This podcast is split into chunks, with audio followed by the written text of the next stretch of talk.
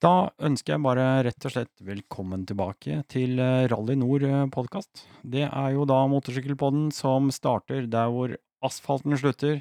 For deg med rifla dekk, eh, for deg med digre knotter på hjula som elsker det sleipe, glatte lag. Eh, dette her blir jo en episode eh, som er egentlig litt sånn eh, det er en motorsykkelepisode, selvfølgelig. Vi skal prate om motorsykkel, men det som er spesielt, er at det er en slags Patron-episode. Eh, denne er tidligere utgitt, i eh, oktober, for patrons. Eh, da selvfølgelig uten alt dilldall, intro, musikk osv. osv. reklamer. Noe som bare plutselig oppstår, det er jo slike ting som du skal få høre nå. Og så skal det dreie seg om eh, motorsykkel. Vi skal Du skal få bli bedre kjent med en av eh, mine patrients, som heter Wilhelm Våge. Og han kjører altså en uh, V85 TT som han har veldig lyst til å bytte inn i en Aprilia Tuareg. Men mer om det, det skal du få høre nå snart.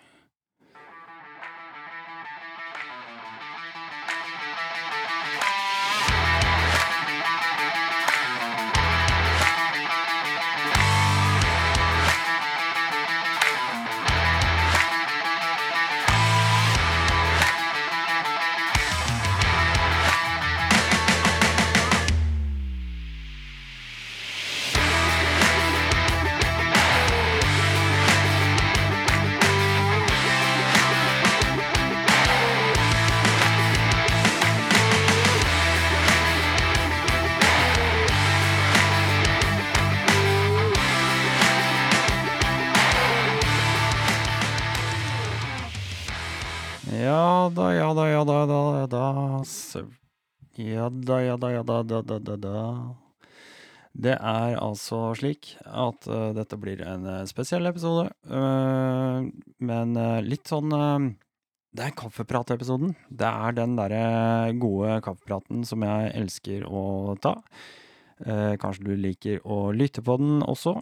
det hadde jo vært særdeles hyggelig og Rett og slett. Jeg tror vi bare kaster oss rett i det. Eh, enkelt og greit. Eh, og eh, ja Skal vi ikke bare si det sånn, da? Da sitter jeg her. Eh, jeg Jeg sendte da altså ut en liten kort varsel. Kort varsel her for tre timer siden eller noe sånt nå på Discord og en kort melding i eh, den derre uh, gruppechatten uh, som vi har på Messenger, om at mellom 8 og 21, altså 20 og 21 i kveld, på søndag, så tar jeg logger meg inn på Discord, inne på chatterommet. Og så får vi se om det er noen som er hypp på å hooke opp på det. Um, vi var litt inne på det her tidligere, at det kanskje kunne vært litt kult å hatt en sånn en gang i uka eller noe sånt nå, bare sånn uh, som en sånn klubbmøte, nærmest. Bare sitte og prate skit. Um, her er det også muligheter for uh, videolink, sånn at uh, man chatter ja, mer live. At man uh, faktisk uh, ser trynet på folk og, og sånne ting mens uh, man snakker. Så det er litt moro. En, en interaktiv måte å bli kjent med hverandre, rett og slett. Skal vi se Nå skjer det et eller annet her. Generell info. Hvordan kommer man seg inn på dette? Skal jeg trykke på join voice? Ja, det skal du. Uh, klarer jeg ikke å skrive ordentlig engang.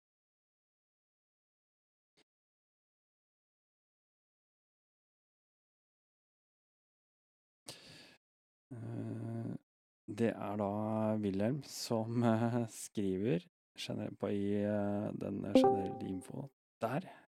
Skal vi se om det kom noen. Hallo? Hei, hører du meg? Nå hører jeg deg, vet du. Hallo. Hallo, hallo. Veldig artig. Du er, eh, du er eh, første deltaker i eh, Jeg sitter akkurat og prater om at dette er den første chatten som faktisk åpner for at folk bare kan møte opp. Ja, jeg hørte så vidt rykter om det Ja, eh, denne poden. ja jeg la jo, vi la, laga jo en liten sånn kort eh, historie her, jeg og Tor, eh, for en stund siden, i forbindelse med at vi ønsker å lage den, eh, en sånn type pop-up eh, roadbook-greie. Som kanskje Mm. kunne vært litt moro. Hvis noen har tid, overskudd og mulighet til å lage roadbooks, så, så er det mulig å invitere folk her i RMP til å bli med på det. Det er litt sånn kult. Ja, det Si sånn, jeg har aldri vært med på roadbooken og laget noe sånt før sjøl, så jeg er jo veldig nysgjerrig på dette. Ja, du var litt frampå. Du lurte vel egentlig litt på om du skulle komme på, på grenserally òg, gjorde du ikke det? Egentlig? Eller var det RMP? Eh, det var vel eh, en av de i hvert fall, men Mm. eh, det gikk ikke, gikk ikke så godt hos høvdingen det å stikke av da òg. Nei. Nei da. Jeg skjønner jo det. Det er Men du bor i Bergen, eller, Wilhelm? Ja, jeg bor i Bergen. Ja. Og da har du et stykke, da, hvis du først skal dra av gårde en helg. Helt opp på andre sida. Ja, Det er jo ikke lange turen over fjellet, men det går jo noen timer. Ja, hva er det du bruker da? Sju timer eller noe sånt, kanskje? Ja, det blir sikkert det. Ja. Ut ifra Kommer an på været og hvor effektiv man er da i forhold til hva man orker og hvilken vei man tar. Ja, men det virker som at uh, grenserally har jo blitt veldig populært. Altså, det kommer jo folk eh, fra hele vestlandsområdet, egentlig. Altså Ålesund, uh, ja, bergensdraktene overalt. Så, så det har blitt uh, Det har nok eh, slått an uh, bra. Og det er Ja, gjerne altså, Mm. jeg har jo hørt det i forhold til mange eh, som har eh, snakket om det, som har begynt å hive seg på det i forhold til eh, traff på en eh, to stykker med KTM 390 Adventure som eh, ble, var bitt av besild òg. Ja. Ja, altså du, du trenger ikke å ha en uh, fancy uh, motorsykkel for å kjøre med roadbook. Uh, her i Når var det, ja? Var det i fjor sommer? Da var jeg så vidt i kontakt med en kar. Han eh, hadde en eh, kjempegammel eh, altså 50-tallssykkel eller noe sånt nå, og kjørte roadbook. Ja. Så, så det, det, altså Alt dette blir jo til hva man gjør det til sjøl, egentlig. Ja, jeg har jo stått og sett nå Han er en engelskmann som kjører en sånn her 390 Honda 390 gjennom hele verden. Så klarer man med det, så kan man gjøre det med det meste. Absolutt. Helt klart. Det, jeg har nå kjørt litt gruser oppe av Hardangervidda med en gammel Vespa, så det, det har jo gått det òg med ti tommer. Ja, ja, ja. Nei, men jeg syns det er greit. Eh, alle kjenner meg vel såpass nå at jeg syns også det er greit å kunne sette ned farta litt og, og ta inn inntrykkene av det man eh, passerer. Ja, det er veldig greit. Men det. Men faller du mye ut og inn av eh, For det jeg hører du forsvinner, så kommer du igjen. OK. Uh, det kan ha noe med settings eh, fra min side å gjøre, faktisk. Ja, For nå flyttet jeg meg nærmere internettet, tenkte jeg kanskje det var meg, men Nei, men uh, jeg skal faktisk ta oss og sjekke opp, jeg, for det kan være andre ting. Skal vi se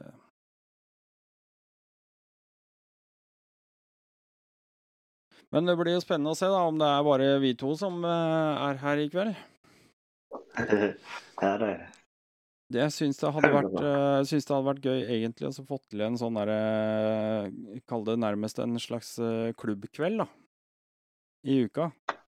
Hvor folk Mm. liksom bare ikke Ja, på en eller annen sånn normal dag bare har, eh, har en sånn time hvor man setter av og stikker innom og skravler skit. Ja, det var jo det jeg tenkte det var siden jeg hørte den forrige om han eh, svenske som uh, du preker med. Mm. han? Nei, det var han, for, han før deg. igjen, du Ja, det var nevnte to. det. Tor, uh, Tor Holm Ellefsen var det. Mm. Så Så da jeg bare sitter her og prøver å finne litt mer ut av lydgreiene. skjønner du. Skal vi se 64 bit. Ja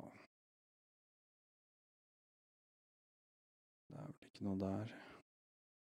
Men uh, Wilhelm, Uh, Mm. vi har jo Jeg har Ja, vi har jo chatta litt før. Du, mm, du har um, Du har en uh, motogussi, eller hadde en motogussi? Jeg har fortsatt Motogus igjen ennå. Jeg har ikke Ja. fått fingeren ut i cellene. Begynte å bli litt glad i den. Men jeg har jo veldig sugen, egentlig veldig sugen på den Aprilia tura 660 igjen òg.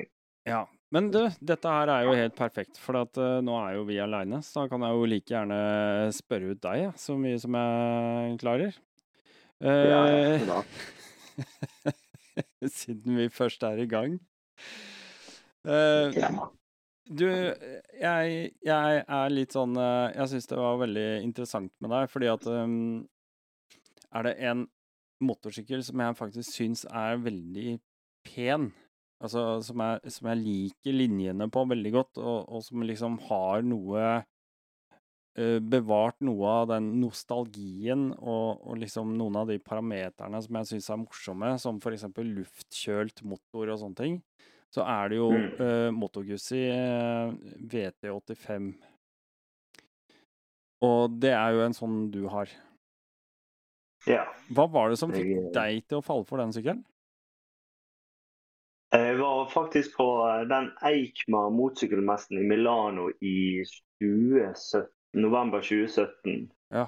Og da eh, var vi gikk rundt der og skulle se avdukningen på en ny Guzzi, selvfølgelig, og vi gikk rundt så på alt mulig annet. Og når jeg så den med de fargene som jeg har, så var jo jeg tatt med en gang. Jeg tenkte Mm.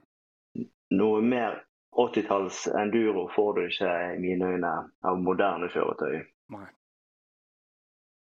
Så da var jo jeg kjøpt, men eh, så var jo det å skaffe finansiering og eh, loven til å kjøpe en sykkel i heimen som eh, holdt meg litt igjen, da, siden vi har nettopp fått en liten en. Ja, ja, ja. Nei, det er jo noen sånne familiære ting man må gjennom, selvfølgelig. ja. Det er det. Men, men uh, hva, så, hva så du for deg, liksom, når du så den sykkelen? Altså, hva slags eh, Man, man har jo gjerne Hva skal jeg si? Man, man går inn uh, og kjøper en sykkel med en slags visjon, da. Jeg tenker at man har en visjon når man går inn i en butikk, og så ser man plutselig Oi, wow, der er den nye 1250 GS Adventuren til BMW, liksom. Og så setter man seg selv i et bilde sammen med den sykkelen. Hvordan ser Wilhelm ut uh, før han kjøper uh, V85? Uh, Hvordan jeg gjorde det, ja. ja, hvordan, hvordan så det bildet ut for deg, liksom? Hva, hva var liksom intensjonen med sykkelen, sånn du så det? Eh, Det som jeg så egentlig først og fremst, var jo selvfølgelig utseendet og den type ting. Men nummer to var jo da mm, hva, hvor lett eh, er det å ta service på den? Mm. Og alt det tekniske, hvor ofte var det service, og ventiljustering og den type ting, da, siden jeg gjør det sjøl. Mm. Og så det Alt det er jo godt for når jeg har kjøpt eh, de kjøretøyene jeg har. Så er jeg godt for servicevennligheten å skru på det. Men det er jo Motogus er jo ikke så stort at du, det ramler inn deler overalt her i Norge. Nei. Forhold til Honda, Yamaha og KTM. Men jeg er ikke sånn som liker å ha det alle andre har. Mm. Så, um, så jeg hadde jo så selvfølgelig så var jeg påvirket av han Thomas Hansen òg, så jeg vil jo skylde på at det er han som har giret meg opp til å kjøre mer grus, og da ble det selvfølgelig mer interessant for en sånn sykkel. Er er Thomas eh, en kompis av deg, sånn på fritida, eller er det bare noen du Nei, følger? men eh, jeg har kjørt forbi han, og han jobber sammen eh, Eller jobber på samme sted som en venn av meg, og så tror jeg òg naboen min og av og til jobber på samme sted som han gjør. Så vi har felles bekjente, men jeg har aldri møtt han og snakket med han. Nei, OK. Nei, Eh, virker som en veldig hyggelig fyr. Ja, det tror jeg. Bli kjent med Thomas, så, så ja, det tror jeg. Du, jeg eh, Jeg blei jo litt interessert. Eh, du server alle syklene, syklene dine sjøl. Eh, fra de er nye, Ja. eller? Ja. Mm. Du syns det er greit? I forhold til garanti og sånne ting, du er ikke noe redd for det? Nei, egentlig ikke, siden jeg jobber som motorsykkelmekaniker. Uh, OK. uh. ja, eh, så der, der er jo da fordelen min. Jeg så ikke helt at den skulle komme. Jeg gjorde ikke det. Nei. Nei, men den, eh, det skjønner jeg. Da hadde ikke jeg brydd meg spesielt nevneverdig heller, antagelig. Det jeg har jo aldri vært redd for eh, sånn folk med pålitelighet til det. Nå var jeg nettopp til Lofoten og kjørte rundt, men det, så lenge vi tar vare på tingene og Mm. i hvert fall for Vestlandet går over ledningsnett og tenker at dette kan være et problem for fuktigheten, og så vi gjør noe med det før du Mm. må ignorere og kjøre rundt med det. Ja. Så, men det har ikke vært noe særlig for den motorbussen å gjøre egentlig. Jeg har ikke hatt et peislag eller noe på den, så da har jeg kost meg. Men jeg regner med at du er på en del sånne forum og sånt nå, blant annet Motoguss i Norge og, og sånt nå, på Facebook? Ja, jeg meldte meg inn i med den Motoguss-klubben og, Mm. og følger litt mer på forskjellige ting. Og Aprilia Tureg sine forskjellige sånne grupper på Facebook og det. Mm. Så Ja, det er et, det eh, det er et fint eh, Virker som et veldig fint miljø. Det er litt sånn Virker som litt mer sånn Hva skal jeg si? Ja? Det virker som at eh, klientellet i Moto Guzzi-gruppa er litt mer sånn voksne mennesker. Ja, det, Virker det sånn? det er det så absolutt. Ja. Det virker i hvert fall som de fleste, i hvert fall, er, i hvert fall 40 år oppover, da. Ja. Ut som jeg har fått med meg, uten at jeg skal påpeke at det er riktig. Men eh, Nei, nei, det jeg er har sett det har vært noen yngre folk nå her i Bergen. Han inne kjørte en VSU-en sikkert på A2-lappen, eller hva det er. mm, Som, eh, som kjørte med resten av gjengen kjørte KTM, og han hadde V7-en. Så jeg synes han var jo den kuleste av de. Ja, ja, ja. Nei, det er kult. Nei, det er, mm, det er bra det hvis vi kan eh, ja, hele tida få nye, yngre generasjoner også til å like noe annet enn bare KTM-er og sånne ting. Men ikke for det. Eh, Det er selvfølgelig litt utafor Rally Nord-podkast å snakke om gatesykler og sånn, men eh, generelt eh, Rekrutteringa til MC-miljøet er jo viktig, og jeg ser jeg ser at det er stadig flere og flere uh, lettsykler, da, 125, at det begynner å Populariteten der er veldig stor nå. Uh. Mye, mye større enn det den var bare for fem eller ti år siden, egentlig. Mye Ja, det skjedde vel ganske mye nå eh, rett før covid, egentlig, følte jeg. Ja. Da jeg det eksploderte mer og mer og mer. og mer. mm. og, og at det er stadig flere jenter i den alderen som finner veien inn i det miljøet, det er også innmari ålreit, da. Ja, det er jo Jeg syns det er kjempespennende å se nå Det var eh, en dame, eller to jenter eller damer, da, som kjørte på Island hver for seg. Hun ene kjørte en Triumph Scrambler, og den andre eh, Hva er det hun kjører, da? En annen sykkel. Så jeg fulgte på Instagram, så jeg syntes det var utrolig spennende og kult. Mm. Så det, Ja. nei, Ja, det er bra da, at det er damer som går foran der og viser at dette går an. Dette får du til, liksom. Uh, Jeg tror det har vært veldig Jeg skal ikke si det, det er bare en sånn oppfatning jeg har da kanskje personlig, at det har vært veldig sånn derre Snakka ned om at eh, ja, jenter kan ikke, og det er farlig, og det er skummelt, og ja. Men du ser jo stadig vekk eh, flere og flere som eh, som reiser rundt og er, på, er aleine overalt. På alle deler av Ja. verden, egentlig. Ja, ja. Jeg satte på litt på trail. eh, Det har vært en del yngre jenter som har vært med. Sikkert fedrene som har pushet det litt, men de syns det er gøy å Det. Mm. Mm. Men du, eh, tenk på videre.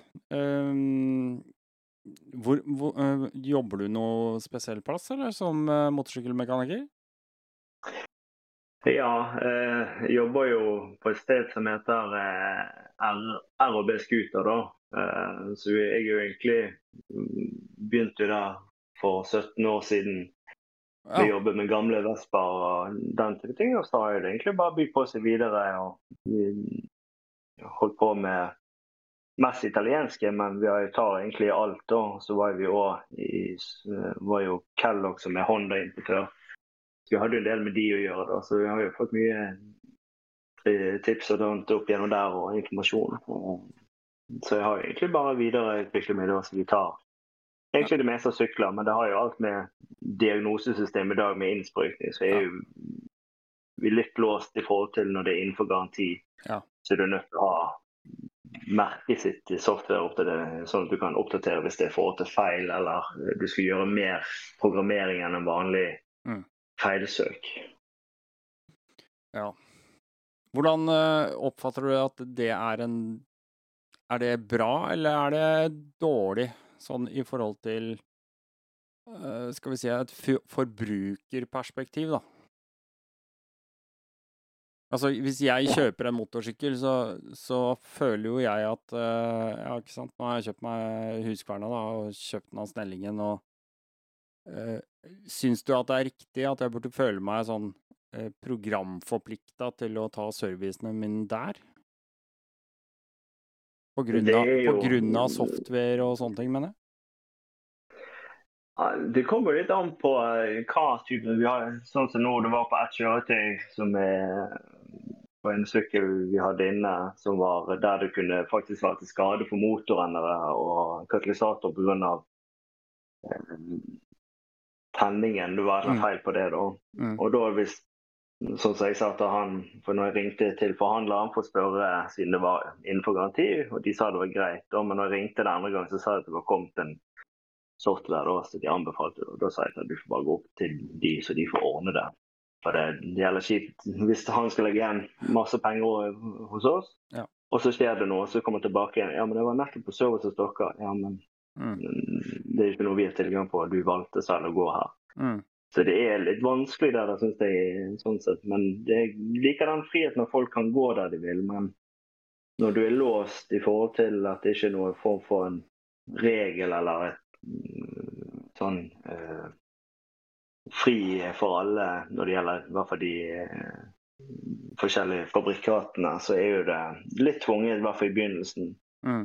Men eh, Ja. skulle kunne i hvert fall gått an å gjøre de småservicene og så eventuelt heller ta kontakt med det, de merkeforhandlerne og spørre er det kommet noen softwareoppdateringer sånn at gjør at jeg er nødt til å komme inn til dere. Mm. Mm. Og hvis ikke de sier nei, så, så de sikkert ikke gjør det, sånn at de ikke mister jobben. Det vil jo Nei, nå, nå ønsker ikke jeg å sette noen, verken forhandlere eller mekanikere eller noen opp etter veggen, her, men jeg tenker litt sånn eh, fra mitt ståsted, da, så er jo litt sånn Da begynner jeg å tenke sånn Ja, faen, er det sånn at kanskje eh, jeg, jeg skal ikke gå ut med hvor mye en 10 000-service på huskvernene min koster, men det er, eh, det er ikke småpenger. Eh, og det er jo selvfølgelig også da for å beholde den garantien. Eh, og spørsmålet er liksom Kan, kan forhandlere, eller merkeverksted, da, kan de på en måte skru opp timeprisen fordi at man er prisgitt at man må bruke de rett og slett for å beholde garantien? Altså, jeg føler liksom at det, man har ikke noe ja, man, man har ikke noe sted å, å velge å gå, da. Men det er jo eh, det som kommer, Hvis folk kommer innom oss og spør det, da, og så, som vi sier til det er ingen problem Det var en nå som eh, sjekket med for Han var innenfor garanti da. Så Mm. satt han med hør med verkstedet at det ikke ligger noe der. Og de sa nei da, men det er ingenting som ligger der. og de han kom, bodde liksom mellom Stavanger og Bergen, så da var kortere reisetid i forhold til Stavanger-ruten Mm. der. Ja. Og de sa det var ikke noe problem, og det der, så jeg snakket jo bare med dem. Bare, det er ikke at det ikke var kommet noe inn der. Nei. Og jeg personlig mener jeg at du må jo kunne velge sjøl, men det som av og til, når du ser i de servicemanualene, så sier de at ja, du må følge servicelisten sånn som det skal gjøres. Og Mm. Det er jo som regel ikke et problem helt til det står du skal inn med diagnose og kontrollere og sjekke på oppdateringer. Ja, så det vil si en, en post som jeg ikke kunne gjort for Kawasaki, Yamaha eller Honda eller whatever, Mm. så kan jeg ikke jeg fylle ut den posten. Og da kan jeg jo fra han, det, det merkeforhandleren si at nei, men du har ikke fulgt spesifikk servicelisten, derfor sier de nei, det blir ikke garanti. Ja. Sånn, så det Men eh, det er, sånn som jeg i hvert fall har forstått det, er at det er jo en EU-regel Eller eh, eh, i EU så er det som på bil, så er ikke det casen at der kan du velge selv, mens på motorsykkel er det ikke en sånn eh, regel eller eh, post som sier at du kan velge fritt. Det har ingenting å si. Det er en forskjell der, men jeg har ikke satt meg inn i det. Nei. Nei, og det er jo akkurat det jeg Det er på en måte sirkler rundt her, da, med spørsmålet mitt, på en måte. Men um, Nei da. Det er um, det, Jeg vet ikke. Uh, kan du svare på det? Stemmer det at uh, det vil At det er planer om å prøve å innlemme en eller annen form for uh, kjøretøykontroll på motorsykler? Det er sånn. Er det du tenker på? Ja, nå forsvant du litt der, men eh, ja, kjøretøykontroll, akkurat som EU-kontroll på bil, da, altså. Ja, det var jo snakk om det her eh, var det var rett før covid, for da kom det opp eh, det, samt og det for at du skulle få ta kursing for lettmotorsykkel når du tok billappen istedenfor moped, eller du kunne få det med. Men det som var, var at Norsk Motorsykkelunion viste til eh, en form for en paragraf der de hadde satt opp alle forsikringsgrader på sykler. Da, og da var jo det den prosenten det var feil på kjøretøy og ikke person eller trafikkbil i seg selv som forårsak ulykken. Mm. Da var det så lite at det, det var ikke en dråpe i havet, nesten, for å si det på den måten. Nei. Nei. Så da, gikk, så da ble ikke det en vedtatt at det skulle bli noe sånn den gang. Så vi får jo se neste gang hva som skjer da. Ja, jeg, eh, jeg, jeg vet at eh, NMCU har jobba med det akkurat sånn som du sier, og har vist til eh, mye statistikker. Det, NMCU, eh, uten at jeg har satt meg for mye inn i det, og, og på en måte holdt meg litt utenfor, i og med at jeg ikke kan alle paragrafer så godt og sånt, så, så gjør de jo Vi vet jo at de gjør det en veldig bra jobb hele tiden for eh, motorsyklister i Norge. Um, men um, ja. Jeg får bare håpe at det ikke blir noe eh, EU er store. De eh, pusher på stadig vekk eh, nye regler som ja, de mener at vi har bruk for. Og det vi får håpe vi slipper å se det, i hvert fall. Jeg er litt sånn, skal eller lurer litt på det, for det, nå er jo det i hvert fall det, Før var det mye sånn folk kjørte trimmet moped og den type ting. Men nå er det liksom alle de ungdommene som kjører rundt med åpne eksosanlegget, det bråker, de ljomer og de heier. Ja. eh, På en helt annen måte, føler jeg. det. Eller i hvert fall du hører de mer nå enn før. Mm. Og da føler kan hende at de kommer til å presse litt mer på at ja, det er for sikkerheten for ungdommen, eller den de skal stoppe liksom den der, da. At de da lettere kan vinne gjennom med at det blir en form for tilsyn på motorsykler, som jeg håper ikke skal skje med det første. Ja. Nei, altså jeg også ser den, men for all del må vi ha den der kontrollen, den kjøretøykontrollen. Kan vi ikke da heller bare ta de til sida og gi de en, eh, en mangellapp, liksom? Og ber dem vise det på Biltilsynet biltilsyn igjen. Uh, og, og til de som uh, måtte tro det jeg, åh, Det var en sånn 16-åring som kjørte forbi meg her et par ganger. Jeg sykler til og fra jobb, og kom dundrende forbi da med en sånn derre eh, 125 KTM Duke, ikke sant, med et eh, eksospotte som antageligvis er revet ut alt av innmat. Altså, jeg mener Hvis det bråker mer enn det går, da er det ikke kult. Ferdig med det. Og- og da er des- liksom- Og dessuten så virker det ikke som det skal heller, for du ødelegger egentlig bare motoren din hvis du driver og fikser med det uten å se på mapping videre. Men det Ja, er det blir som å. Mhm. Ja, det blir som å løpe med sugerør i munnen. Du kommer ikke så jævlig langt. Uh, nei, jeg hadde to uh, han um, Motor-Hansen, som jeg har gjorde en greie med her i fjor, han hadde jo noen morsomme historier på akkurat det der med guttunger som hadde kommet med 125 og syntes det var så kult fordi at svanehalsen gløda.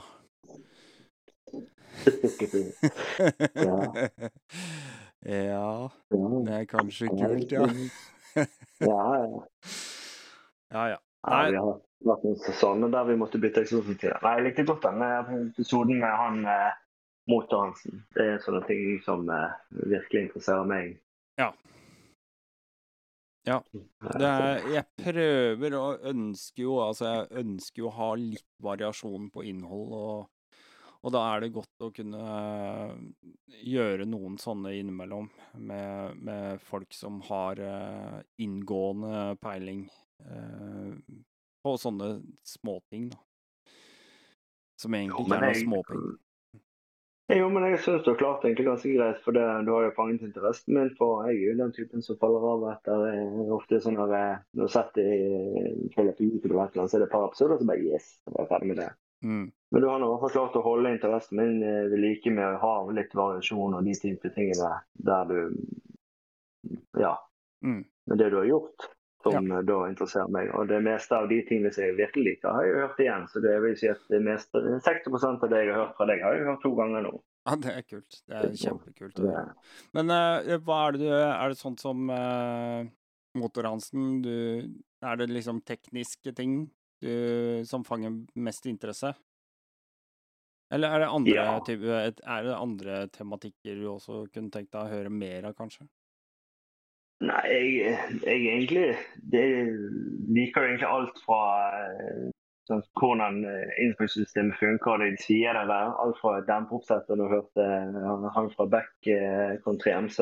Mm. Så, så det fenger meg veldig. Og det er veldig gøy å høre når de snakker om det, hvordan de opplever eh, de som har grustrening, og de forklarer hvordan folk oppfører seg. Så all, alt har en forskjellig sånn eh, tiltrekning eh, for meg, da, som gjør at det blir litt forskjellig. Så det blir ikke bare det samme hele tiden, for da går man lei. Men det kommer noe nytt ut. Så, Oi, dette er jo ting som interesserer meg for. Liksom Mm.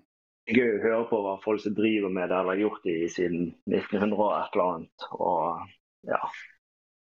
Da, det, sånn selvfølgelig, det er alltid gøy å høre på tekniske ting som man jobber med og interesserer seg spesielt for, men det er også kult å høre litt om atmosfæren rundt i forhold til hva den motoren blir brukt til i forhold til kjøring, og eh, hva det kan påvirke når de som kjører eh, off, eh, det der sånn som nå med den twin pegs, liksom, hvor mye det har gjort bare med en liten duppeditt bak på hælen, så er det, har det gjort store forandringer for mange. Ja.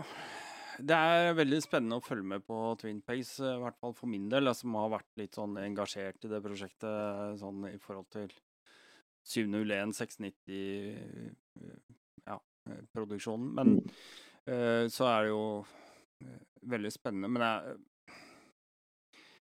jeg, jeg prøver liksom å ikke, eh, ikke bruke for mye av min tid og min tid og ressurser til det nå. Jeg, jeg føler at uh, Kai Ingvald står veldig godt på egne bein og, og har ikke noe mer behov sånn sett for min hjelp. Jeg skal ikke bruke mer av min tid på det, uh, tenker jeg. Men, men, uh, men jeg må jo berømme han, altså. Maken til uh, hardnakka type som bare krummer hempa hver eneste dag og bare går på med det prosjektet her.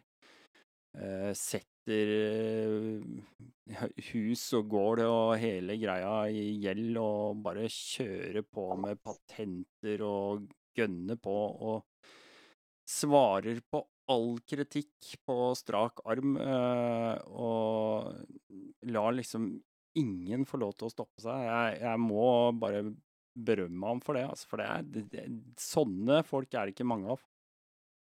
Ja, det er det som må gjøre ting mer interessant enn i forhold til å ha et svært firma som masseproduserer det der i eh, tusenvis av tall i løpet av en dag. Det Ja, blir liksom som alt mulig annet. Ja, for akkurat der er det en differanse i forhold til en kar som bare kommer opp med én idé, og liksom utvikler den i forhold til å passe på flere forskjellige sykler, og kaller det Twinpegs, som er noe helt ukjent og nytt, ikke sant? Kontra hvis hvis eh, Turatech hadde tatt den patenten, Mm. så hadde folk gått helt mann av huset fordi at det var Turatech. Ikke sant? Ja, Det er en sånn mentalitet der som ligger bak eh, veldig mange som jeg føler sperrer, da. Det sperrer folk litt.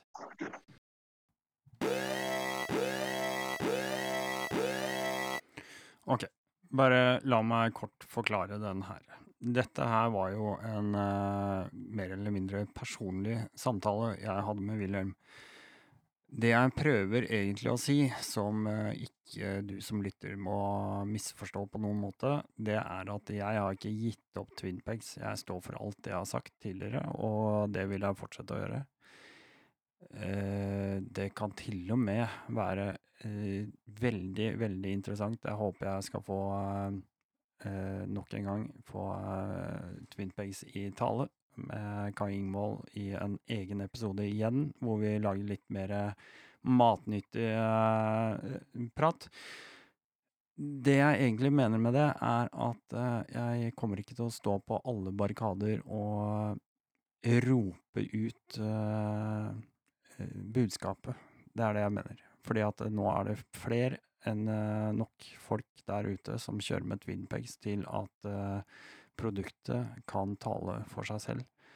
Og eh, jeg føler også at eh, Kai Ingvald står på godt og stødig på egne bein. Så misforstå meg rett.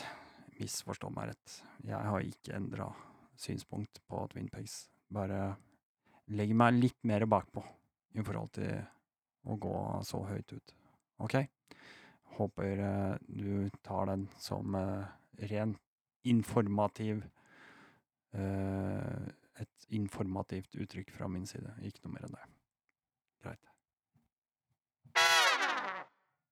Da tar vi et raskt avbrekk i denne ordinære podkastepisoden, bare for å fortelle deg at du kan gå ned i eh, shownotes. Du kan klikke deg inn på patrons-linken der nede og bli en patron av Rally Nord podkast, selvfølgelig. Da kan du bli en Rally 50 eller Rally 100 patron. Da får du eh, automatisk en link til eh, Rally Nord eh, patrons pod. Du får en link til eh, Discord som jeg sender deg. Du eh, skal selvfølgelig få et Rally Nord podkast-klistremerke som du kan eh, pynte opp eh, din yndlingssykkel med. Og eh, ikke minst så er du automatisk invitert til neste Rally Nord Patrons-treff. Og eh, om ikke annet så kan alle også gjøre meg en tjeneste til. Det er nemlig gå inn og gi meg ratings der hvor du lytter på din podkast. Gi meg slike stjerner. Og eh, har du litt grann ekstra tid å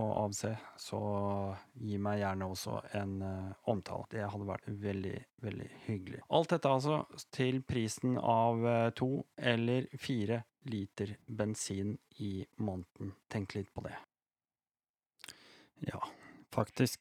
Og eh, mens du tenker litt på det, så vil jeg bare fortelle at eh, det er jo en god del folk som allerede har gjort dette. Det er eh, blant annet eh, Pierre André, Lars, Trond, Eirik, eh, Kurt, eh, Anders, Robert, Espen, Wilhelm, som du hører her nå i dag. Ole Fredrik, Eirik, Christian, Kim, og enda en Eirik, faktisk. Kenneth, Per Egil, Olav, Rune André, Espen, Bjørn Inge og André, Jan, Steinar og Thomas, Frank, Annar, Morten, Ruben, Thor, Rune og Frode. Alle disse her folka her, tusen hjertelig takk. Og jeg vil også benytte sjansen til ikke bare det. Eh, disse her folka, de er å støtte meg hver måned. eh, som patrons. Eh, det er også noen som har vært patrons, og det er også hyggelig. Eh, jeg vil også takke alle de som har vært patrons eh, opp igjennom. Det er faktisk litt bedre å gi litt enn ingenting. Eh, så eh, stor takk til eh, alle dere også. Um, det er litt viktig å få med seg. I den reklamepatchen her så sier jeg noe om Rally Nord patrons-treff. Og nå må du spisse øra lite grann, fordi at øh, neste år så er øh, faktisk datoen eh, spikra. Det blir Rally Nord patrons-treff eh, neste år også. Eh, vi var åtte stykker totalt eh, i år. Det var det første Rally Nord patrons-treffet. Vi hadde en eh, roadbook, og vi hadde veldig, veldig hyggelig. Er, jeg laga jo en egen episode. Eh, men det er klart at eh, en sånn bragd, det, det må, må gjentas. Så det som skjer nå, det er at alle de som blir patron nå i år, i 2022, og fortsetter å være patrons helt fram til og med, i hvert fall, den dagen vi skal eh, ha RMP neste år. Det blir i eh, juni, fra torsdag, merk dere, torsdag 8. til søndag 11. juni. Det er på Stange, eh, ikke langt ifra Hamar, for den som eh, ikke er så viden kjent. Vi har valgt å kjøre dette fra torsdag til søndag, sånn, sånn at eh, flest mulig kan, kan på en måte forberede seg litt, og eventuelt ta fri en dag. de som måtte reise langt. Det hadde vært veldig hyggelig å se folk fra alle kanter av landet. Eh, jeg håper at vi dobler antallet deltakere i år, minimum. At vi blir eh, 15-20 stykker hadde vært kjempegøy. Eh, det som skjer, eh, det er jo at ehm, som patrion ut fra og med i år, altså, så har du en eh, gratis invitasjon. Du betaler ikke noe for å møte opp. Eh, det er spleiselag, så mat og sånt noe, det, det spleiser vi litt på. Um, og så blir det altså roadbook-kjøring i Stange og omegn, kanskje over i Sverige osv., osv. Både fredag og lørdag. I hvert fall. Det blir i hvert fall to roadbooks, og kanskje til og med en liten en på søndag, for den som rekker det. Så det er jo for så vidt en eh, veldig clean deal, syns jeg. Men skal du være med på det, så nytter det ikke å komme i februar neste år, altså. Da må du vente helt til 24. Ok? Um, dette her er altså et RNP. Det er RNP-treffet er Rally Nord Patron-treff. Det er altså for patrons. Av og for patrons. På Stange. Så mm, mer om det, selvfølgelig, eh, kan du høre i eh, den tidligere utgitte episoden om hvordan det var. Og så satser vi på at det blir eh, enda, enda bedre og større og kulere og morsommere etter hvert. Eh, gøy om eh, du har lyst til å være med på det. Så um, sett av datoen, bli patron, og så kjører vi denne her videre nå.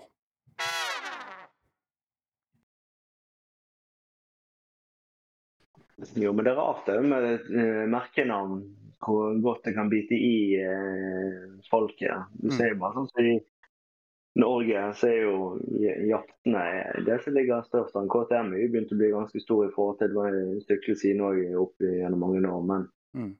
jeg tenker at eh, folk sier ja, holdbarheten tenker ikke ja, men vi har jo hørt nok at de KTM-folkene har hatt eh, sine problemer med sine sykler som alle andre. Mm. Men eh, italienerne, sånn som jeg er veldig fan av de sykler. ikke Ducati da, men eh, Aprilia sine sykler og Moto Guzzi og selvfølgelig de gamle Vespaene. Og så har de da eh, den nye Moto eh, Morini Mm. som var litt spennende. Mm. Og så selvfølgelig den AJP-en fra Portugal. Ja. Åh, den Den er kul. Den er kul, altså. Ja, jeg holdt nesten på å uh, bite meg i en sånn, men så var litt, eh, var, fikk jeg Gustin til en god pris, og da, da kunne jeg ikke si det. Nei da.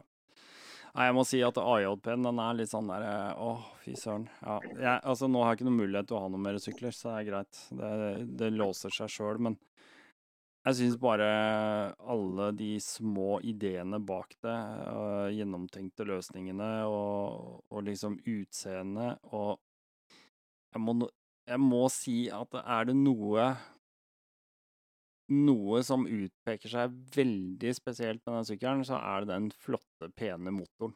Jeg syns den motoren er Den er rett og slett bare sexy, hvis man kan kalle det det.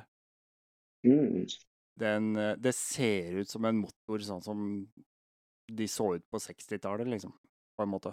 Den har de formene. Mm. Jeg, sy jeg, vet ikke hva, jeg vet ikke helt hvor jeg vil med det her, men jeg, sy jeg tror kanskje hvis noen har sett på de motorene, så skjønner de kanskje hva jeg mener. Det, er jo, det har jo vært likt i veldig mange år på det, da, så, Mm. Men så det eh, det. du nevner uh, italiensk. Er det noe sånn forkjærlighet du har for italiensk, bortsett fra Ducati, som du sier? Ja, altså jeg er jo eh, innslått med de gamle Vespaene. Ja. Eh, og den vært med i scooterklubben der og kjørt rundt om i Norge mye med det. Og eh, selvfølgelig så ville jo ha noe som ingen andre hadde så mye av eller fikk tak i. Og da fikk jeg tak i en Vespa-modell fra uh, midten av 80-tallet uh, som het Vespa T5. Eh, Den er jo stygg, men den er fortsatt vakker på en måte. Mm. Og den har vi òg Så jeg har tre sånne stående i garasjen, da, men det er kun én med skilt her nå. De andre skal jeg gjøre noe med. Men den ene, der har de en rally, Paris-Dakar-rallyversjon Oh. som jeg har lyst til å bygge ut av den. Da Og da er jo det bygge for å kjøre med i Paris-Dakar der var, da. Så da har de snudd ene bensintanken opp ned, sveist på den på oppsiden av den originale bensintanken, sånn at du får dobbel bensintank.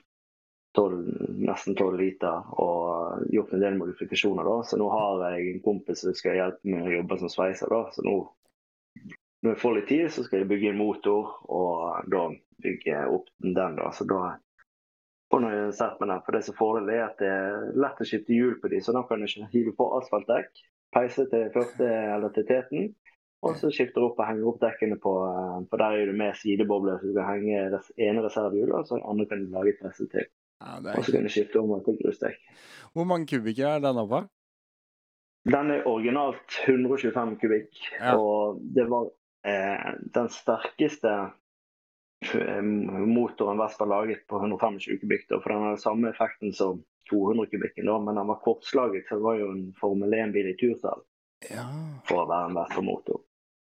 Men eh, nå står det 172 på den, så jeg var oppe på eh, rett ikke så langt fra Dagali. Kjørte jo, fikk vi kjøre en sånn grusvei og landeie der, da. Vi var på sånn treff der. Da var vi et par år som var helt idioter oppe. Det var utrolig gøy. Ja, det er kult. Jeg, jeg, jeg har eh, Ja, du må gjerne poste noen bilder her eh, etter hvert, altså. Det, det hadde vært kult. Men eh, Men eh, jeg solgte nå for tre år siden, når jeg flytta, så solgte jeg en Vespa sånn PX 200 med sidevogn. Mm. Og den var bygd av en eh, kar nede eh, Ikke i Stavanger, men utafor Stavanger, som heter eh, ja, eh, ja, en fyr der nede som driver med Vespa, og som bygger alt Mm. mulig rart av Vespaer. Og og den var Den var kul, altså. Det var en sånn 210-sats eh, med lavkomp og bygde om alle foringer og sånn for å tåle mer påkjenninger i form av sidevogn og alt mulig. Så den, den var sånn ordentlig forseggjort. Ja, det Jeg fikk lånt en sånn Vespa med sidevogn da jeg skulle gifte meg, da, for det var en av kriteriene mine når vi skulle gifte oss. Ja. bestemte min kone. Hun sa nei, men kanskje hvis jeg får låne en Vespa med sidevogn, så vil jeg i hvert fall den med. Og det fikk jeg lånt. Og da fikk jeg lånt den i tillegg, så det var jo Du, da, da har vi gjort akkurat det samme. For det gjorde vi òg. ja, det er gøy. Ja, det var, eh, det var, veldig gøy. Det var det faktisk. Du blir, du blir lagt merke til, i hvert fall. Ja. Ja, ja men det Ja da. Og det er det som er gøy. Men det merket jeg da jeg kjørte, jeg kjørte Lofoten òg. Ja. Når jeg kjørte over gamle Strynsfjellveien når jeg stoppet der, så var det veldig mange motsyklister som eh, så på sykkelen men jeg stoppet på de stedene for å ta bilde, der som alle andre også. Ja. Og det er litt sånn, Når du har visse kjøretøy som du ikke ser overalt, så blir det litt sånn Å, shit, hva er dette? Og de er veldig kontaktsøkende. Selv om vanligvis vil du gjøre det òg, men de blir veldig mer nysgjerrige på sykkelen enn det å si hei til deg. Det var i um, Dette var i 2016, tror jeg. Da tryna jeg på Jeg hadde en KTM 690, så tryner jeg. Og så får jeg et mm. avrivningsbrudd i ankelen. Det vil si, scenen river løs hele festet ned i ankelleddet. Eh, så det var litt sånn derre eh, kinkig. Men eh, greia er at da kan jeg ikke gå. Jeg kan ikke vektlegge det. Jeg kan ikke kjøre bil. Og jeg kunne heller ikke kjøre en vanlig motorsykkel med, med gir, da, ikke sant? Girskjalter. Så den, hele den sommeren, i ja, de første ukene i hvert fall, eh, så kjørte jeg kun Vespa PX med sidevogn. For der, jeg bare, der kunne jeg egentlig bare sette meg rett på. Og så kunne jeg la foten stå helt rett, sånn 90 grader, rett ned på fotbrettet. Og så trengte jeg ikke bruke den, ikke sant? for da kunne jeg stoppe i lyskryss og ikke sant? Den, den Det var jo venstrefoten. Den bruker man ikke til noen ting da. Så, det var helt genialt. Jeg brukte, brukte den der sidevognsvespaen i flere uker som framkomstmiddel. Ja, men det er utrolig gøy, egentlig. Men det er én ting som jeg har sett som er begynt å eh, komme frem nå av mange produsenter, eller i hvert fall Honda, mm. er jo det eh, sant, De har jo DCT-kassene, men òg Adventure Scooter. Ja. Ja, ja, ja. ja. Det, det, hva hva syns du om det? Du, jeg, jeg, For en del år tilbake nå, så var jeg og prøvde den Adventure 750. Mm. Den er jo bygd med samme motoren som, uh, som sitter i uh, et par andre av disse store motorsyklene. 750-syklene. Og så er det den DCT-kassa. Og maken til en maskin Altså, det er det går ordentlig rått. Og med den der eh, Hvis du får på en Akropovic da, med den uh, uh, twin-sylinderen mm. Det er skikkelig grom lyd, altså. Ja, det tror jeg var testet den på en sånn demodag når den og African Twin kom, liksom kom med det var 2014-2015, tror jeg. Ja. Og det var, jeg tenkte ikke at dette var dødsgøy kjøretøy, men da var det litt sånn Jeg har en scooter, så jeg har ikke lyst på en scooter til meg, eller motor med automatkasse. Men uh, så ser jeg det både hva det er, 350 nå de har kommet ja. ut med. Ja. Den ser og, kul ut. Ja, men det er liksom, tenkte meg sjøl For jeg har hørt veldig mange som sier ja, hva skal du med automat, alt det der. Men da traff jeg en mann fra England som hadde kjørt tet her i, eh, i sommer. Og så hadde han klart å gjøre en brøle der han hadde Pga. han har knust bekkenet eh, året før. Så gikk han fortsatt med krykker og kunne ikke bruke foten og kunne kun eh, stoppe liksom. Hvis ja. han stoppet, den ene foten, så ville han falle. Ja. Så han hadde jo da anskaffet seg en sånn eh, adventure-scooter der han brukte det for alt det var verdt. Han sa at jeg kommer aldri til å kunne kjøre sykkel igjen med gir, Nei. så dette er jo da mitt alternativ. Mm. Og det skjønte jo det at han eh, Da fikk jeg litt sånn shit. Tenk hvis ikke noen hadde giddet å gjøre det der. Eller liksom de har bare sløyfet det der. Så er jo det veldig mange som kan falle fra det der. For Jeg merket jo sjøl i 2020 når jeg fikk en nerveskade der eh, de mente at jeg ville ha varige men på armen Mhm. pga. det. Men eh, slapp relativt greit unna, som gjør at jeg faktisk kan kjøre sykkel per dag. og det. Så det sånn, tenkte jeg fy faen, det skulle heller vært venstrearmen som gikk utover, for da hadde jeg i hvert fall kunnet kjørt utover hvis det virkelig gikk til helvete. Mm, mm. Men eh, Men du kan jo bygge om, da, eventuelt. Ja da. Det er muligheter. Men det- men nei, altså det er bra. Det er kult du tar opp. Jeg, ehm, eh, jeg har jo mine oppfatninger av dette. Jeg tenker at jeg har kjørt scooter sjøl i, i en periode. Jeg hadde en Suzuki Bergman 650, for så vidt, eh, blant annet. Og det er jo Altså, det går noe helt vanvittig. Og folk veit ikke hva de møter, altså, når du Det ser ut som du som Ja. Men uh, folk er ikke forberedt på hvor fælt det der greiene går, egentlig.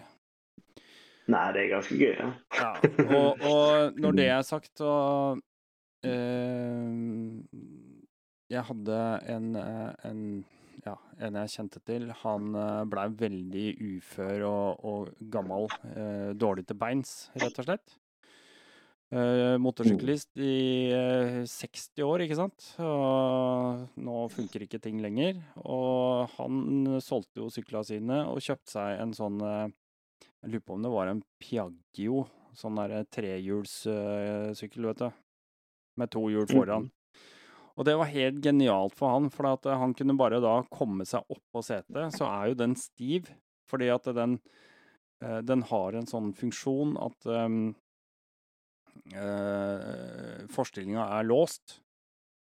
Helt til du begynner å kjøre, så slipper den den låsen. Og da blir den sånn at du kan legge deg over i svingene.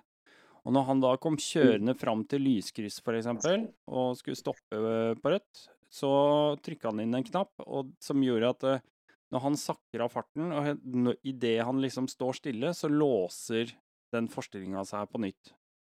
Og dermed så slipper han å sette ned føtta eller ta seg imot, da, på noen måte. Og det er jo Ikke sant? Da, da kan man fortsette å kjøre, da. Ja, ja. Det, Ikke sant? og det er jo et utrolig fin konsept, egentlig. Litt galskap er at man kan kjøre det med billappen uten noen form for Ja. øvelseskjøring på 500 kubikk. I hvert, hvert fall når man vet hva forskjellen på dem er. Og vet du hva forskjellen på de to syklene er? En som er MC-registrert, og en som er bilregistrert. Ja, det er blinklysene som er, Ja. puttet ut. Det er to centimeter bredere hjulforstilling, og så er det da eh, to kretsbremsesystem på dem. Det er helt, helt vanvittig. Det er, Mm. det er helt dumt. Det er så dumt. Men, sånn er det, altså. Ja. Nei, sånn er Du, jeg Nei, eh, sånn- Ja, skal vi Hadde du Var det noe mer? Avbryte? nei, du må bare se på. Du, Nei, jeg, jeg, på jeg bare tenkte vi skulle komme litt videre, fordi te, eh, vi snakker jo litt om italiensk, og skal ikke slippe den helt, fordi at eh, jeg har vært en fan av eh, den, eh, og er for så vidt en eh, fan av den uh, Motoguzzien, men det er også en annen sykkel som fanger litt interesse. Eh, Aprilia 660 Tuareg. Og da Mm. kom du med akkurat samme eh, interessen. Du meldte deg, du òg. Ja, ja.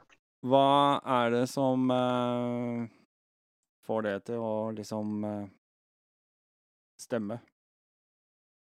Det jo eh, Jeg var veldig keen på den eh, eh, 750 og 1200 den kom i sin tid, og Aprilia Pegaso. For det, jeg kjørte på kjøreskolen en Pegaso eh, på, når jeg kjørte til motorsykkellappen. Den var utrolig gøy å kjøre. En sylinder dunker. Og jeg fikk liksom sansen på den, og den hadde de her eh, gullbelagte felgene som da Når du er 21 år, så stjal det ganske blikket med tøff farge på tanken og det hele. Ja. Og da ble jeg litt sånn fan at tenkte, faen, de, er, de har flink med design, de, italienerne. Mm. Og, og da når jeg så den, eh, var over på motorsykkelmesse, da når jeg fikk se Turøyen gjemt bak en haug med blader og noe skog og noe greier, der vi fikk klart liksom snike oss inn og se. Sånn, så vi pirret ble jo så voldsomt eh, av det. Så da alltid sagt at jeg vil ha en eh, vil ha en eh, Dorsoduro eller en eh, Pegaso en gang. da. Det var liksom en av de syklene jeg har, for det var også relativt greie sykler å skru på. Mm. Eh, sånn sett for min del. Men jeg jeg fikk nyss i den turregelen skulle komme tilbake igjen, da var, liksom, da var jeg litt solgt på den. da. Men når ikke den var kommet i fjor, og eh, når fruen da hadde sagt ja på at det var greit, så kunne jeg ikke vente. For det plutselig så kunne hun snu i døren og si at nei, jeg tror ikke det, du får kjøpe sykkel likevel. Du var redd for det, ja? Ja, ja, Ja, ja. ja. jeg skjønner, jeg skjønner. jeg skjønner. Så da var ikke det mer enn eh, hun hadde sagt ja til det, så fem timer etterpå så hadde jeg signert kontrakten på at den mytologien var kjøpt. Ja, ja, ja. ja. Nei, jeg, jeg, jeg kunne godt tenkt meg altså, å få prøvd den der eh, Tuaregen. ass. Det har vært litt spennende. Jeg, um... Nei, jeg var ute og prøvde den eh, ja. Og uh, da uh, skulle jeg aldri gjort det, for det gjorde bare saken ikke noe bedre. Men den er av samme effekten som Motorguzien, bare den er uh, nesten 30 kg lettere, sånn røftlig. Men den er mye mer leken.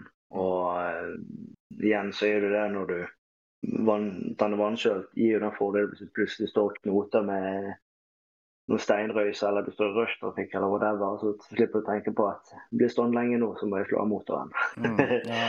Så um, var det litt det. Men uh, og så har jeg selvfølgelig fulgt med på en feil som har dukket opp på den der. og uh, Det er jo for så vidt småting. De hadde første partiet der det var en uh, feil på motoren der uh, veiven eller et eller annet røk på de da.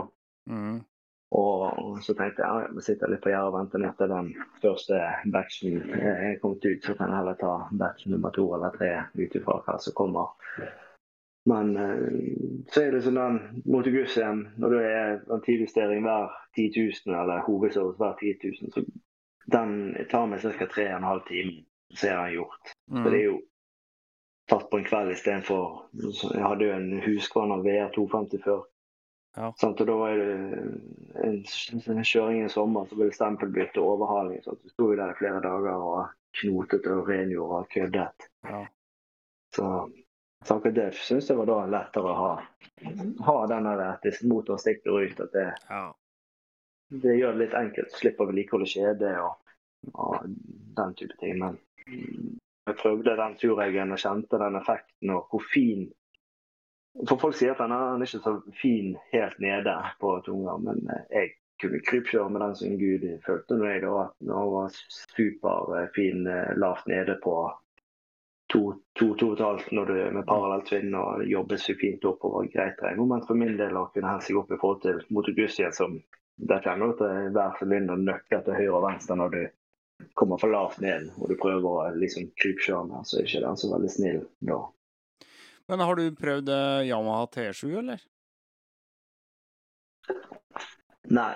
Jeg eh, fant ut at jeg prøver ikke flere sykler nå. Nå har jeg, jeg kjøpt Motogussi igjen. Og så har prøvd april igjen, og nå skal, skal jeg ha det april igjen. Bare bli kvitt mot huset nå. Men jeg tenkte å se om jeg klarte å presse ut den siste resten av dekkene, så jeg får skiftet tid.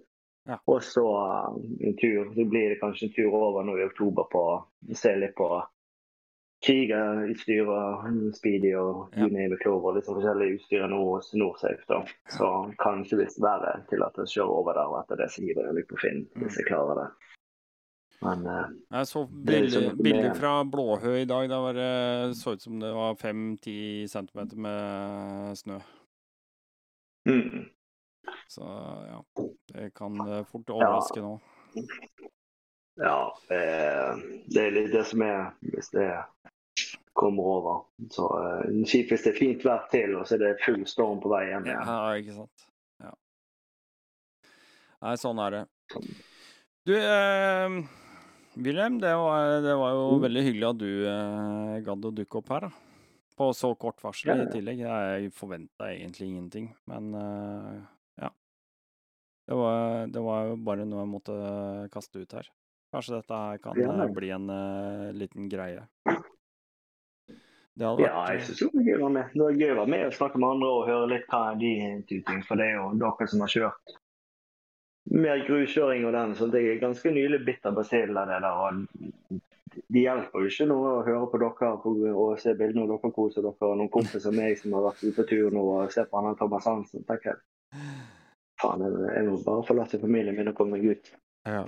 Ja, ja. men, det, men det er utrolig gøy. Nå har jeg jo sittet på kartet og laget sånn her Sittet på Finn-kartet, for det er faktisk bedre oppløsning på enn Google sitt da, for å finne de Mm. småveiene. Og Mm. da har jo jeg laget sånne der, eh, poster for uh, uh, steder jeg vil kjøre i, på Vestlandet. Da. Sånn, det er jo 59 steder jeg har opprettet Mm. på sånne punkter der jeg ser her går det en grusvei over en gammel vei, eller opp til et vann, eller inn til en demning, eller gammel vei, et eller annet. Det, men det er liksom Jeg har aldri hørt om de veiene før. Noen har jo funnet på sånne nettsider, noen har jeg bare funnet helt tilfeldig når jeg har enten kjørt forbi det på ferie, eller sittet en kveld og bare sveipet. Mm. Så det, så det er litt sånn gøy å skape seg en sånn her uh, unnskyldning for å komme seg ut en dagstur og så bare peise nedover til et eller annet sted og så se om det faktisk funker. Mm. Veldig bra. Du, jeg, jeg syns dette var såpass uh, gøy uansett, jeg, at uh, Og nå Det er ikke det at jeg uh, hadde Hadde ikke forakta å ha mange flere inn her. Dette chatterommet er åpent for absolutt alle. Det er et sånt rom som jeg ikke har satt noen begrensninger på.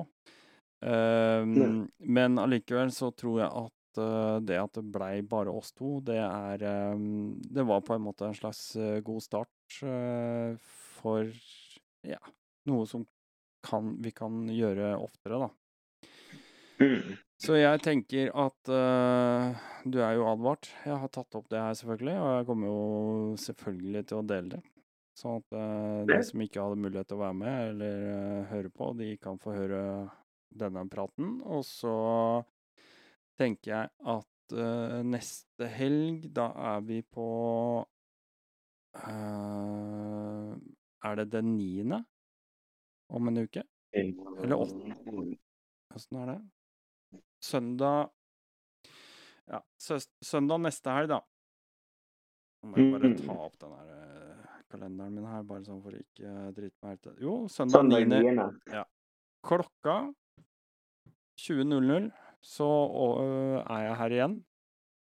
Og så får vi se om det kommer flere.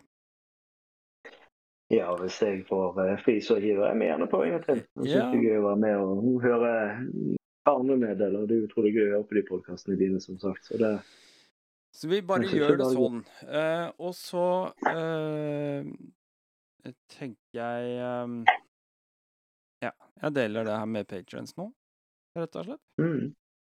Uten at jeg lager noe mer ut av det. Veldig kult å prate med deg. Og så får du ha lykke til og god tur over eh, fjellheimen hvis du eh, velger å kjøre motorsykkel. Ja, får vi se. Det begrenser hvor mye, mye jeg gidder å fryse, men Mm. Minner eh, for øvrig om at uh, der kom Ole Fredrik idet vi skal runde av. Hei. Hei, du. Det er sånn at uh, det er noen sånne idrettslag som spiller eh, kamp, vet du. Ja. Det må du jo. Så man må jo få med seg det. Ja. Ja, nei, det, det, er, det er meget mulig. Men uh, man rekker jo ikke alt her i verden heller. Nei, absolutt ikke. Nei. Du, jeg, eh, vi er egentlig i ferd med å runde av denne her. Ja. For denne gang. Uh, jeg har spilt inn uh, med Wilhelm nå i snart en hel time. Så jeg tar egentlig bare og rapper det opp og eh, legger det ut til uh, patrients. Kult. Eh, så beklager jeg at eh, du måtte komme såpass seint inn i det. da. At du ikke Nei, det fikk Men eh, nei da, det er ikke min feil. Men eh, allikevel. Ehm, vi, vi åpner dette her igjen neste søndag. Samme tid. Så da får du jo vurdere om det er noen andre idrettsarrangementer du må se på, eller om eh, du har lyst til å ta de opp, eller hva du vil.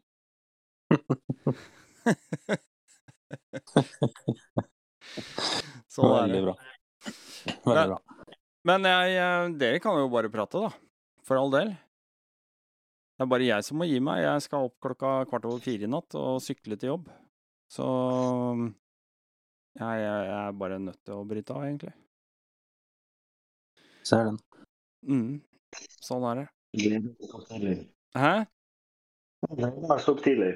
Ja, det er, eh, det er tidlig.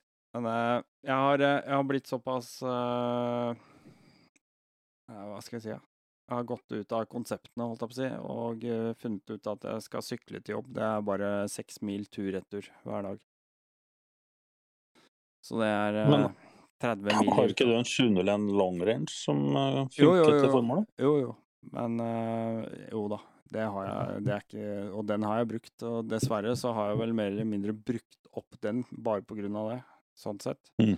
Og det syns jeg er jævlig kjipt. Det er én ting. Uh, en annen ting er at uh, jeg er en type som må, eller liker, å holde meg i form på en eller annen måte. Det er fort gjort å falle ned i, sofaen og gi litt faen. Absolutt. Så ja, det kommer godt med å bare tråkke litt jobb og åpne litt andre sanser. Sånn sett. Mm. Godt, Jeg kjenner litt på at man lever og får inn den friske luften istedenfor bare å sitte i sofaen, som du sier. Ja Nei, jeg løp mye. Jeg løp mye før, og så har det vært litt for mye sånne skadeavbrekk. Så jeg har tenkt liksom nei, faen, jeg må, må gjøre noe som er, kan være litt mer skånsomt, da. Men som allikevel kan gjøre at jeg holder meg i form og kan være ute. Og da er det å slå flere fluer i én smekk, og kalle det transport til jobb og kombinere det med trening og ja, i det hele tatt. Ja, men Fin unnskyldning til å gjøre det òg. Ja, helt klart. Helt klart. Nei, men dere, jeg skal ikke eh, oppholde. Jeg tenker at uh, hyggelig om dere har lyst til å prate, men uh, jeg må faktisk bare bryte av. Mm. Da sier jeg bare sjalabais. Sjalabais og god natt. Greit, det. Ha det. Ha det bra.